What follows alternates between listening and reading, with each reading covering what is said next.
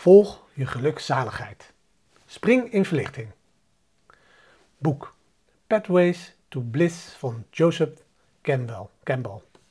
De grote mytholoog Joseph Campbell zei dat we ons gelukzaligheid moeten volgen. Waarom? En hoe kwam hij daarmee?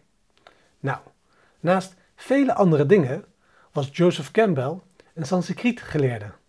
Hij vertelde ons dat de oude wijsheidsteksten, die bekend staan als de Upanishad, ons vertelden dat er drie punten zijn die van start naar verlichting gaan. Sat, Chit en Ananda.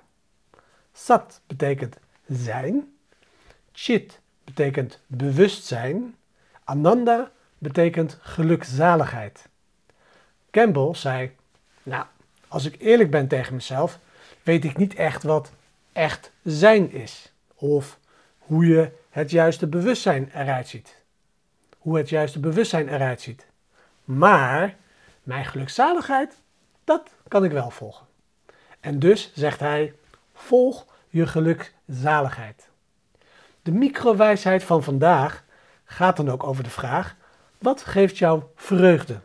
Wanneer voel jij je het meest gelukkig in je leven? Is er iets dat je kan doen om dat geluk meer in je leven te brengen? En hoe kan je daar vandaag nog iets aan doen?